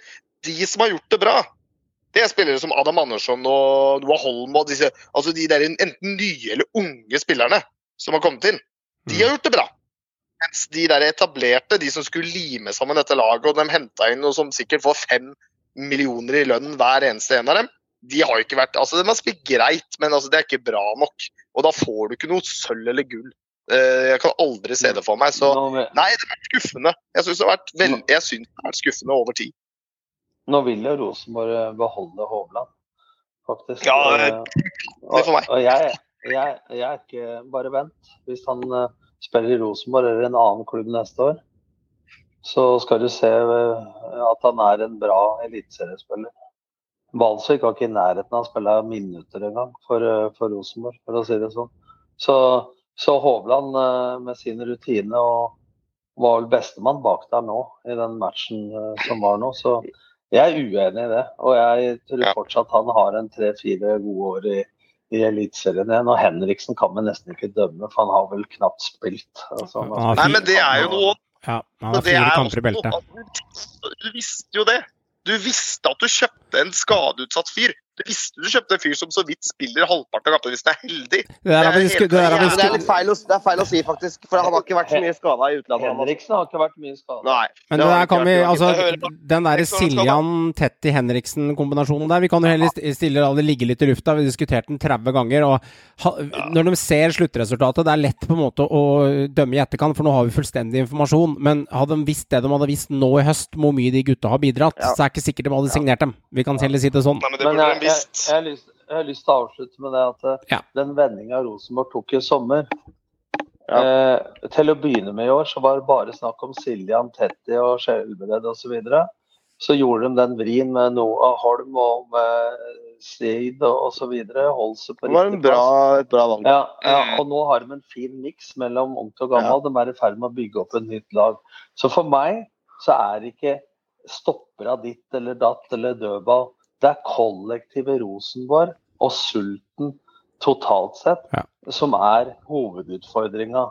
Eh, Det blir helt feil for meg å finne syndebukker i, i enkeltspillere, for her er det kollektive. Jeg, jeg syns de har spillere nå, begynt å få en spiller med fart. Teknikk eh, som Vecchia osv. som kan gå av én mot én osv. Midtbanespillere som har målfall i Hol- Holse osv. Så, videre. så Så jeg, eh, jeg syns Altså, jeg har ikke de forventningene som mange har til Rosenborg, så jeg syns jo de suksessivt har blitt bedre utover høsten. Og så, tror, eh, når vi snakka, eller dere snakka sist om at de kunne ta sølv osv. Etter det så er det klart det er klønete røde kort, men de har spilt to kamper med én mindre. Og de eh, hadde en halvtime på Åråsen. Så, så er det fem kamper igjen. Andre lag kan få en sånn svakke også. Så jeg blir overraska hvis ikke Rosenborg tar bronsen. Altså, RBK får ofte med seg noe, uansett hvor mye folk vil eller ei. Så det er en egen egenskap de faktisk har. Ofte.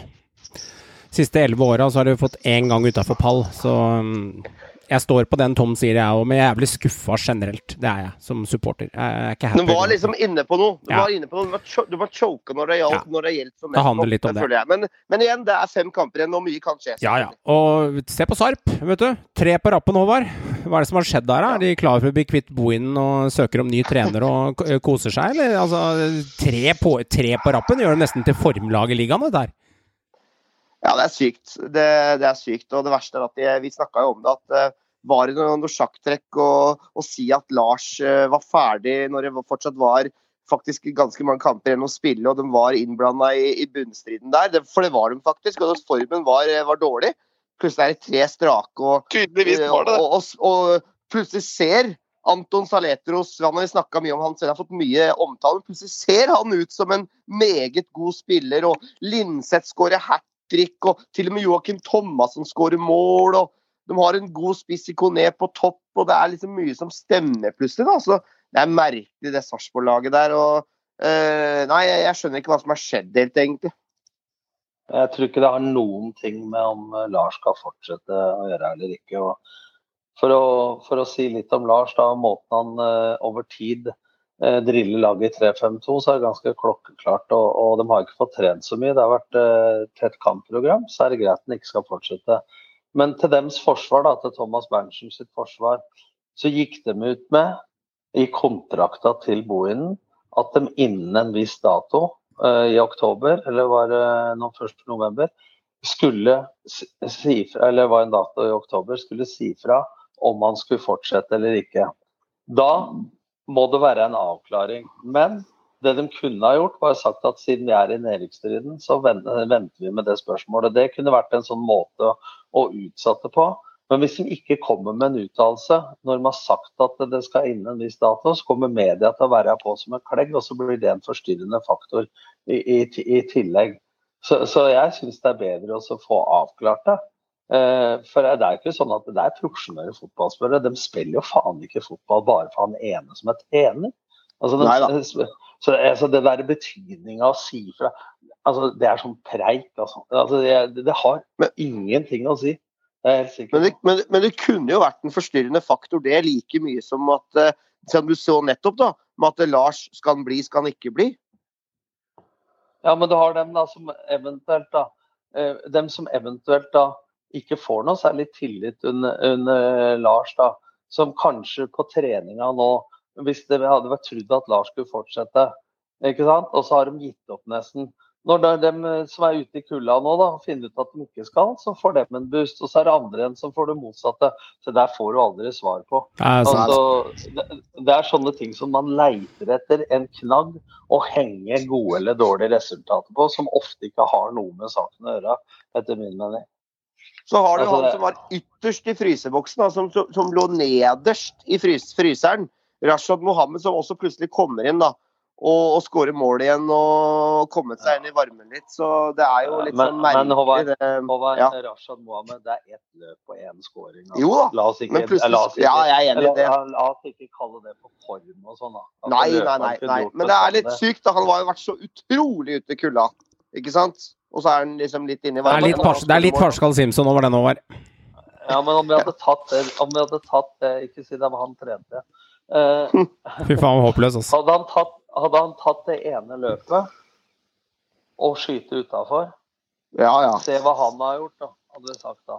Ikke sant? Han skårte det målet bra. Være, jeg syns bare det var funny at han kom inn og skårte. Det var ikke, ikke, noe mer i det. Men han har vært så utrolig ute i kulda. og Nesten rart han helt tatt er i klubben ennå, etter alt det han har drevet med. og Utenomsportslig. Men hvem tror du hvem tror vi tar over Sarp? Og, hvor, og hvorfor tror du ikke Lars får fortsette? Det lurer jeg egentlig mest på. Det er litt rart. Det, det veit ikke jeg. Altså, det kommer an på hvilken retning den skal ta. og det har hørt nå via mine kilder, er jo at eh, Thomas vil tilbake til litt av det der eh, de hadde i Europacupen i 2018 og serien i 2017.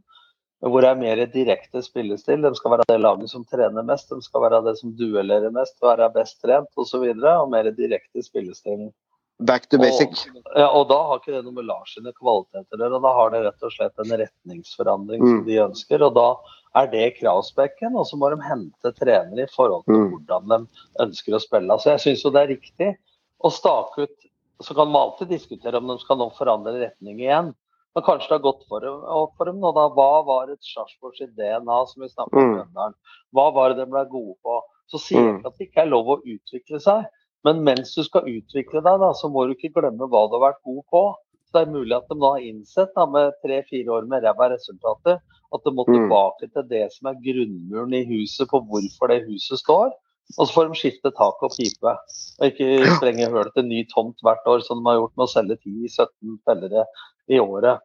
Så, så det er jo kravspekken. Hvordan skal vi spille? Så må de ansette trener i, i forhold til det.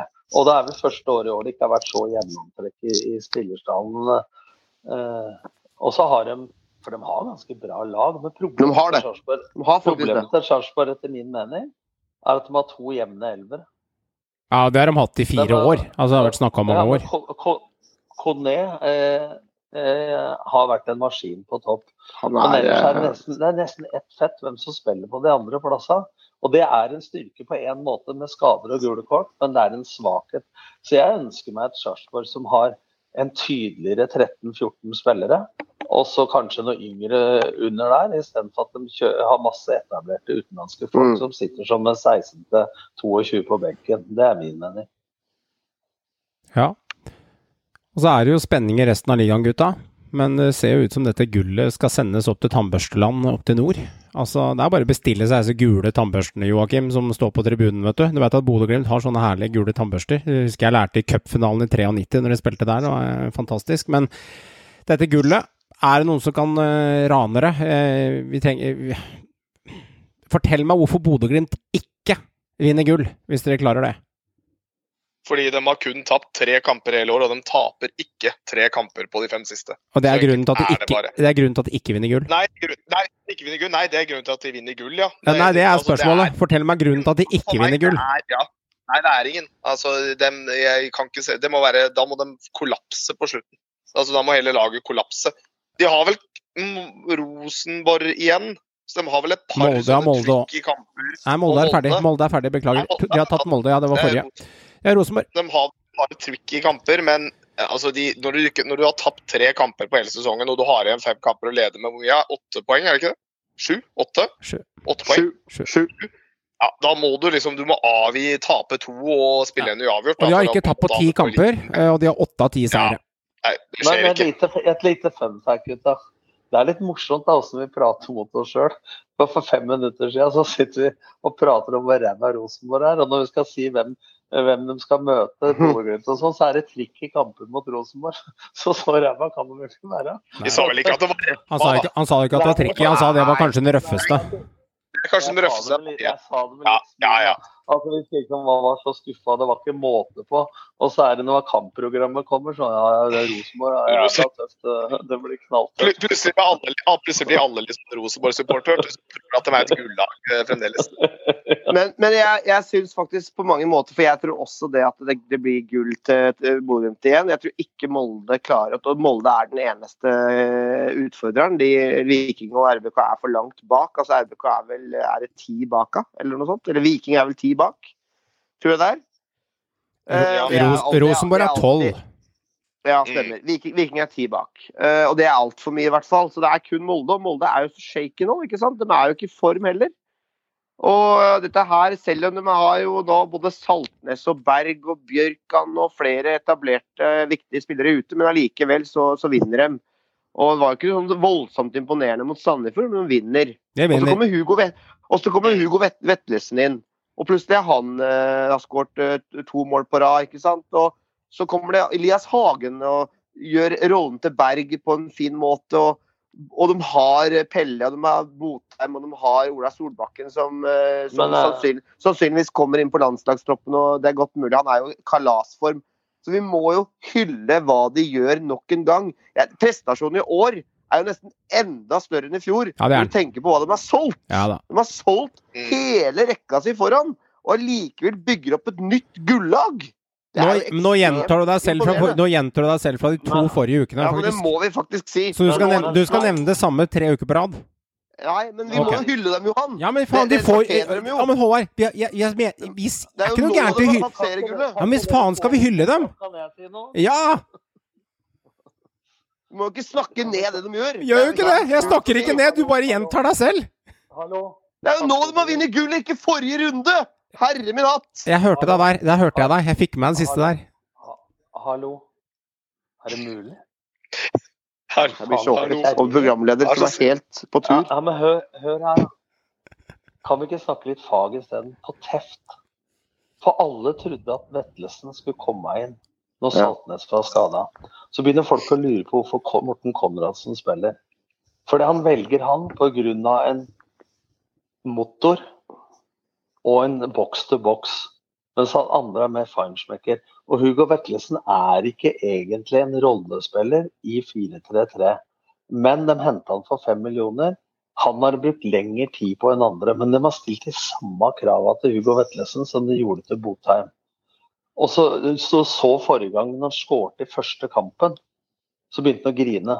For han har sittet på benken, og det er jo det samme som å være reservekeeper å være ute av elveren til, til Bodø-Glimt, for de spiller med samme laget. Men når de kommer inn, så kan de rollen. Ikke sant? De har mista 60 mål på topp. Bjørkan og Saltnes osv. Så, videre. så kommer inn folk. Marius Høybråten, god tippeligaspiller, eh, eliteseriespiller. Kan spille av stopper, kan spille av back. Eh, har vært i Godset, vært i Lillestrøm, vært i Sandefjord. Altså, det er en teft de har. At når én går ut, så har det ikke så mye å si, for de kan rollen sin i det kollektive, ut og inn, hva de skal gjøre for noe. Og Det det, er det jeg hyller, og jeg er enig med dere. det at det, det er en enda større prestasjon enn å ta gull i fjor. Men, men den prestasjonen med så mye poeng de tok i fjor, den eh, kommer ikke til å kopiere på, på noen år. Så Nei, den, nei, det er de, den teften de har på spillelogistikk og på, på å få å hente folk, ikke navn. Se på Elias Hagen nå, som var i Lillestrøm. Gikk til Grorud. eh, Kommer inn nå, ifølge Joakim Jonsson, bedre med ball enn eh, Patrick Berg, men dekker ikke like mye rom. Ikke sant? Altså, de har spillere. Det er som Rosenborg i gamle dager. Soltvedt ut, Runa Berg inn. Og han ene går, så er den andre klar. Ja, husker Dette Soltvedt. er Han var fin, ass. nøysommelig, nøysommelig arbeid over tid. Er, uh... Jeg, eh, jeg mener at uh, hvorfor skal Kjetil Knutsen da forlate Glimt i fordel til Rosenborg, som det er snakk om nå? Hvorfor skal han dra Hvorfor skal han dra fra det laget som skal ut i ny Champions League-kvalik, sannsynligvis, til det laget som ikke skal spille Europa, kanskje? Det sliter jeg med å skjønne logikken i. At han skal dra fra Bodø for å ta over Rosenborg. Jeg begynner Hvem å har, tvile. hvem har sagt at det blir Ja, sånn? Mange snakker om det, Tom. Ja, det snakker mange om. det. Jeg Nei, men jeg tviler på det. Det er det jeg sier. Jeg begynner å tvile Ja. på hvorfor skal han det? Altså, Han- han hvis, gjør det. eh, Rosenborg, havner- hvis Rosenborg havner utafor nå, utafor topp tre, så, så altså, da, da mener jeg han er da er han, jo, da er han jo på grensen til idiot, hvis han velger det. Så enkelt er det bare. Men hvis de får bronsen og kan spille i Europa, så er det én ting, for da handler det om penger. Og så vil enkelte litt gammeldagse mennesker snakke om noe prestisje. Jeg syns ikke det er noe særlig prestisje lenger. Jeg syns Molde vil være mer prestisje sånn som det er i dag, men de bytter jo ikke bort sin. Eh, men det er klart, eh, og Glimt nå er mer, altså det er mer prestisje å trene Glimt nå, hvis du ser hvordan laget spiller og hva de får til. Så altså, da, da blir det sånn Det er lønn, da, som er det eneste. tilfelle pengesekken, da. Det er pengesekken, kanskje. Men, men, men, men, men når jeg sa nei, så har jeg angra på det, for da var jeg dust, for da var det laget så jævlig bra med Ørjan og Runa Berg osv. Når Geir Bakke sa nei, så var det Før Hornland kom, så var det vakla det. Og så blei han lovt livstidskontrakt, men som han sa, hvis ikke jeg gjør det bra som A-lagstrener, så, så har jeg fast jobb i klubben. Skal jeg trene gutter 14-laget på kveldstid, da, da blir jeg liksom Kjerringa er fra Trondheim, da blir jeg Trondheim resten av livet. Eh, Men, men det er en annen situasjon, føler jeg, for, for Knutsen. For han kommer fra et lag som han veit man har, og så virker det i hvert fall på praten da, at eh, han er så veldig fornøyd med det. Og så er det ikke sikkert han er typen til å stå i det, ikke veit jeg, men eh, det er ikke lagd for alle at de skal stå i det trøkket. Og når alle er som Johan, da, helt mongo og tror at det er bare Gud som teller, alt annet er ræva, så er det klart at det er ikke lagd for alle å stå Sorry, Johan. Å stå, Jeg velger ikke kommentere. Ja, men altså, du skjønner humoren. Ja, Å stå i det greiene der, Det er greit, det. det, det, er noe det er noe helt annet. Og- Spør Horneland hvor trivelig det var å være Rosenborg-trener. Det var ikke så ålreit, det. Men, men nå, da, passer jo han litt bedre til spillestilen av den godeste Knutsen. Men, men jeg skjønner at man blir smigra, for Rosenborg har vært flaggskipet, og de har historien, de har penga osv.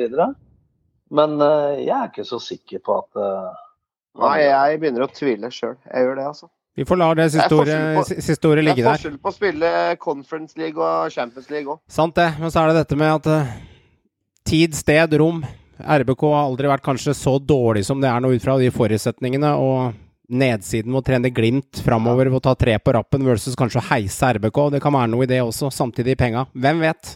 Jeg bare synser litt rundt at det er ikke så mange ganger i livet du får mulighet til å trene Rosenborg. Og hvis han går av som trener om 15-20 år, så kanskje dette var hans mulighet.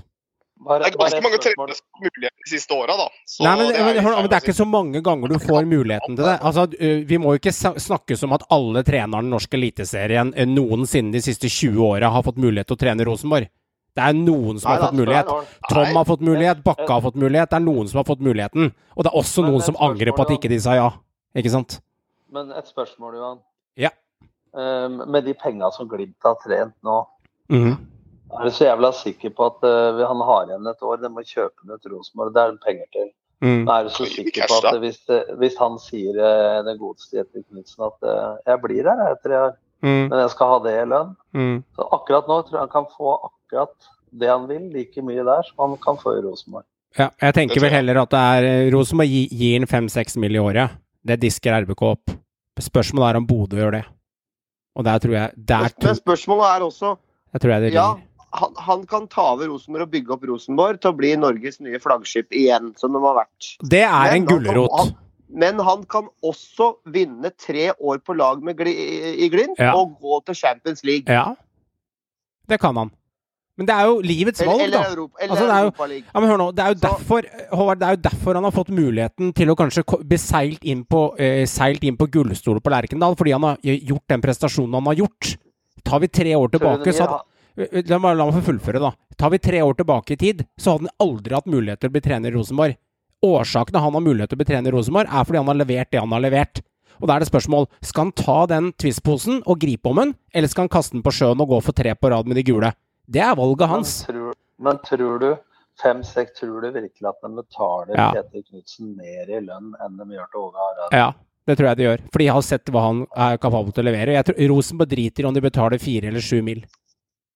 Det tror jeg de Nei, gjør. det er, Jo, det gjør tror jeg. ikke. Jo, det tror jeg faktisk de gjør. Nå må, må dere hoppe ned fra den pidestallen. Nei, jeg- jeg- Ja, men hallo! Janne Jønsson hadde jo fem mil. Og det er ti år sia. Det er noen år siden. Ja, det er ti år sia! Legger du til inflasjon, så er det seks i dag. Så jeg kan si med en gang ja, det er uinteressant. Du, Lønn, hallo, hallo. Dette kan, jeg dette kan jeg faktisk litt om, Johan. Ja, ja, ja. Jeg skjønner det. Lønningene var vesentlig høyere Ja, ja, ja. mellom Mye høyere før. 2010 enn det de er i dag. Det var gullalderen. Så, så glem det, altså. Han slutta jo i Det er, det er ikke i nærheten av lønnsnivå som det var i gullalderen 2000-2010 i forhold til hva det er nå. ja, men Janne Jønsson trente vel ikke Rosenborg i 2010? Han trente etter Erik Hamren, han. 2012-2013? Men, men du, har sett, du, har sett, du har sett kontrakten hans, eller? Nei, men det er en god del som prater om det. Eh, når de, eh, som snakker om det for forumer og full rulle. Kan det, du, det kan hende det er mye- synseri. Ja, det kan ja, hende. Det er mye folk vet på forum, Ja, men når, du, når du ja. ser også men, men når du ser også skattelistene som er lagt ut på x antall år da, på RBK-trenere RBK de siste ti årene, så, er det, så begynner de å nærme seg de summene. Det er alltid gjort det, Det er altså. ikke noe tvil om at Men- du tre, tjener men- bra men som ja. RBK-trener. Men, men ja, Det gjør du. Det sto ett år at jeg tjente over fire millioner. Tror du det var på trenerlønn? Nei, det var sikkert på andre ting òg, det. Ja, nettopp. Tror Jan Jønsson drev med noe annet? Det kan godt hende han gjorde. Sant? Du må se hva som er trenerlønningene. Men altså, klart at Rosenborg har muskler. Og kanskje derfor han ikke fikk det til, da, siden han drev med så mye annet, Janne Jønsson, enn å, enn å trene RBK. han burde gjort fornøyd med den ene jobben, og ikke flere. Så vidt jeg husker, så drev Eggen med et par andre ting, og det gikk fint. Men Eggen var jo jævlig sær, da. For han var ikke sær på, og sykt opptatt av denne lønna. Når du går tilbake og ser på de gamle skattegreiene på, eh, på Nils Arne Eggen som har kommet ut og blitt sluppet ut på nettet, så er, det jo, så er det ikke nærheten av hva trenerne etter han tjente. De tjente jo mye, mye mer. Men det er forskjell på 90-tallet og nå. Ja, det skjønner jeg. Og så var Nils Arne Ja. sånn spesiell karakter, ikke sant. Så, ja, ja. Men dette kan vi snakke om i det vide og det breie. Dette blir den nye videre. episoden som heter Lønnspodden. Det er en helt annen, Ja. eh, det er en helt annen pod. Vi går videre. Økonomipodden. Men Øko- eh, jeg må avslutte med en setning. At jeg har fått beskrive lønna mi i Dagens Næringsliv og i forum og i podder og alt det. Ja. Og hvis det hadde stemt, Ja. så hadde jeg faen ikke sittet her og spist kjøttkaker nå hvis det hadde stemt at den lønna som sto, for å si det sånn. La vi det være, da lar vi det være, la vi det være Det er mye supportere veit, gitt. er herlig. Det skal være sånn. Det er derfor vi skal synse oss fram til ting. Det er, la, la folket avgjøre, og la supporterne prate Tom. Det er det som er litt gøy òg, da. Vi trenger supporterne til å skjevle litt, gjør vi ikke det? Det er ikke rart det går til helvete. det er litt sånn, det er liksom butikker som klager på kunder, og fotballag som klager på håpløse supportere. Altså, de, vi trenger dem begge deler. Ja, men supporterne har for mye makt her. jeg håper, du- håper du skjønte at det var kødd, selvsagt. Det derre. Jeg skjønner det, da. var-fjolleriet òg. Jeg hvorfor de holder kjeft og begynner å fokusere på fotball istedenfor fansen. Altså, det mener jeg seriøst. Jeg skulle gjerne ha kjørt gjennom neste rundespådom en uke her, men vi, skal, vi, vi, vi dropper den, gutta. Av den årsak at Meran er ikke til stede sammen med oss, så da kjører vi en friuke på neste, runde, neste rundespådommen. Eh, Forrige uke så fikk jeg ett poeng, eh, Håvard fikk ett poeng, og Meran fikk tre. For han traff, traf på Sarpsborg Enga. Så samlet poengsum er 22 på Joakim, 22 på Johan, 23 på Meran og 18 på Håvard. Så eh, det er ganske tett der. Håvard er hakket her, så du kommer deg litt opp der. Så en uke Men la du merke til en ting nå? mm. Men nå snakka vi bare om Rosenborg, som tapte 3-1 mot Lillestrøm. Vi snakka ikke en setning om Lillestrøm. Nei, vi gjorde ikke det. De, de, Og det, det må vi prate litt om. de fikk setningen på, på, fra, fra Joakim på at eh, de kan være med å danse, men de er jævlig ustabile, de også. Gratulerer, Lillestrøm. That's what you get. Jeg, jeg har lyst til å si bare det om Lillestrøm, for det har irritert meg litt. For at jeg har hørt på dere og andre som sier at de er så dårlig form. Og at Helland har vært så mye skada. Og så kjenner jeg litt i historien. Man har jo det, Tom! Altså, eh, Håvard, vær så snill. Jeg ser tre treninger i uka. Han har jo knapt spilt. Men, nei, men det er jo en grunn til det. da. Mens du sitter oppe på Liertoppen her, og jeg er på Åråsen, så tror nå på hva jeg sier, da, for faen. Altså, Poenget er at de har lagt om hele greia for at han skal stå slutten av høsten og neste år. Fordi at han har, de har lagt om til mer eksplosivitet og en helt annen form for fysisk trening. Og Det ser du litt resultatet av nå. Det er det ene. Det andre er hvis du tar bort Hedenstad i mål, Ogbu i to-tre kamper, og så har du Aasen nå, har vært ute i fem uker. Eh, ikke sant? Altså, du har, og Kairin. Så har du de fem beste spillerne. Plukk bort eh, Du merker det selvfølgelig. Det. Plukk bort midtbanen og angrepsrekka til Viking og se hva de har igjen. Så det har ikke noe med formen på laget å gjøre. Men de har ikke brei nok stall til å være, som Joakim sier, i topp da, til å kjempe om de medaljene. For de hadde tre spillere i stallen som har spilt eliteserie før når sesongen starta. Så det, det laget er jo i form. Men de har ikke de viktigste folka disponible. Før nå igjen er det bare Karin som er ute. Men når Ref Helland Jeg er enig i at han er i bedring, Tom. Og når jeg har lest at han har slutta å spise kjøtt og biff, og det tydeligvis funka jævlig bra for han. Så han har lagt om til grønt kosthold, og uh, livet smiler. Og det var ikke måte på hvor Det er Adam Andersson-style. Vegansk eh, mat. form He He Helland Nei, han spiser eh, fisk og han spiser kylling, og han slutt, slutta med biff. Det har jeg lest nå om Helland. Men Men det, Han ser- det har han ikke så mye å si. Nei da, han ser bedre ut på banen. Det, det er jeg enig i. Men i det store og det hele, eh, ett mål han skåret i år. Han var ikke henta inn for å være eh, miljøarbeider på feltet og i garderoben. Håvard, vær så snill, da. Ett mål. Ikke, alt er ikke statistikk. Han har spilt fire kamper. Poenget mitt er at de har brukt en tid for å bygge opp spilleren. Han har spilt tre-fire 90 minutter på rekruttlaget. I det forrige kampet jeg så på Åråsen, jeg så ikke deg, jeg tror ikke du så 90 minutter, så var det han og eh, Nå husker jeg ikke hvem Jo, det ble Tobias Svendsen, fikk sju poeng. Og det er høyt i RB. Altså, vi diskuterte, for jeg er med og setter den børsen, om hvem som var banens beste. Ja, jeg hørte den var god. Jeg så også og har kampen. aldri sett Pål André Helland jobbe sånn defensivt som han gjorde den kampen. Jeg sier ikke at han er noen stjerne, men jeg sier at gjennom Geir Kåsene, som jeg snakker med, fysiske treneren, så ligger det et helt annet regime i bånn. Så det at man konkluderer fordi at man har har vært skada før, så har han hatt én strekk i leggen og en liten en i lysken. Ellers har han ikke vært skada, men han har vært i rehabilitering og Jo. Det skjønner jeg, Tom. Og da Men- kan men- slå statistikken i, i bordet og si mange han har skåret på de fire kampene. Jo, men Tom, han var vel, han var vel, hent, han var vel ikke henta kun for å prestere på høsten? Var han det?